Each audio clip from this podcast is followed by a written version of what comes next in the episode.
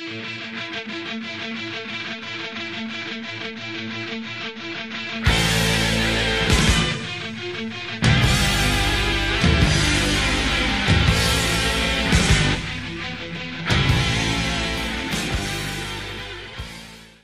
och välkommen till vår podcast Språkinlärning och psykologi. Den enda podcasten i världen på 21 språk med en tysk accent. Jag heter Gerhard Orband. Jag är psykolog, en bokförfattare och en tysklärare. Denna podcast hjälper dig att förbättra dina språkkunskaper oavsett om du är nybörjare eller professionell. Jag är ingen expert på svenska. Naturligtvis har du redan förstått detta. Var tålamodig med mig, men jag lovar att jag ska bli bättre med varje nytt avsnitt. Om du har upptäckt denna podcast just nu, kolla in de senaste avsnitten först. Kvaliteten blir mycket bättre än i de första. Du kan hitta alla podcastavsnitt i vårt arkiv. Om du vill lyssna på denna podcast på ett annat språk, gå till vår webbplats, thegomethod.org. Där kan du också hitta länkar till mina böcker och gratis material. Vill du förbättra ditt tyska? Skicka bara ett e-postmeddelande så att du kan dra nytta av en gratis konsultation. Jag är säker på att jag kan hjälpa. Låt oss börja.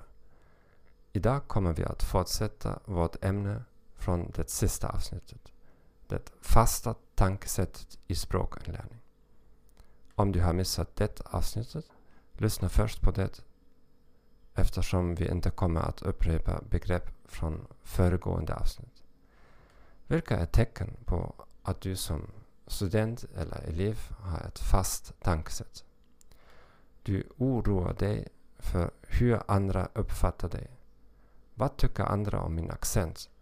Kommer jag göra många misstag? Ser jag dum ut?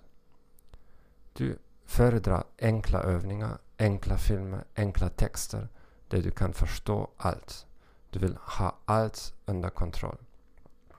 Du undviker övningar och situationer där du känner dig inkompetent.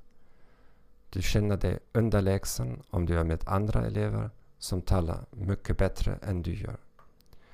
Du bryr dig mer om betyget och certifikatet än för de faktiska kompetenserna.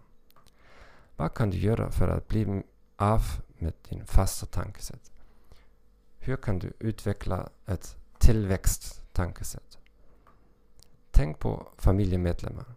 Observera dem och försök ta reda på vilken mentalitet du troligen har ärvt från dem. Kom ihåg att det mesta av det du har hört om lärande i din familj och i skolan bara är en personlig åsikt, inte ett vetenskapligt faktum. Försök att läsa biografier eller intervjuer av människor som har utvecklat otroliga färdigheter genom ansträngning och hårt arbete. Människor som inte visade tecken på talang eller begåvning när de var små. Hitta inspiration i deras berättelser och ta dem som förebilder. Tack för att du har lyssnat på vår podcast Språkinlärning och psykologi. Jag hoppas att den här informationen var till hjälp för dig.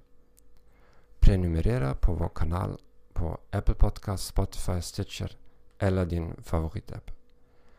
Rekommendera oss till dina vänner och kollegor. Som jag lovade tidigare kommer språkdelen att förbättras under de kommande veckorna. Och låt mig veta vad du tycker om dagens avsnitt. Skriv bara ett e-postmeddelande. Berätta vilka frågor du har så att jag kan svara på dem i en av de kommande avsnitten. Jag önskar er en trevlig dag och adjö.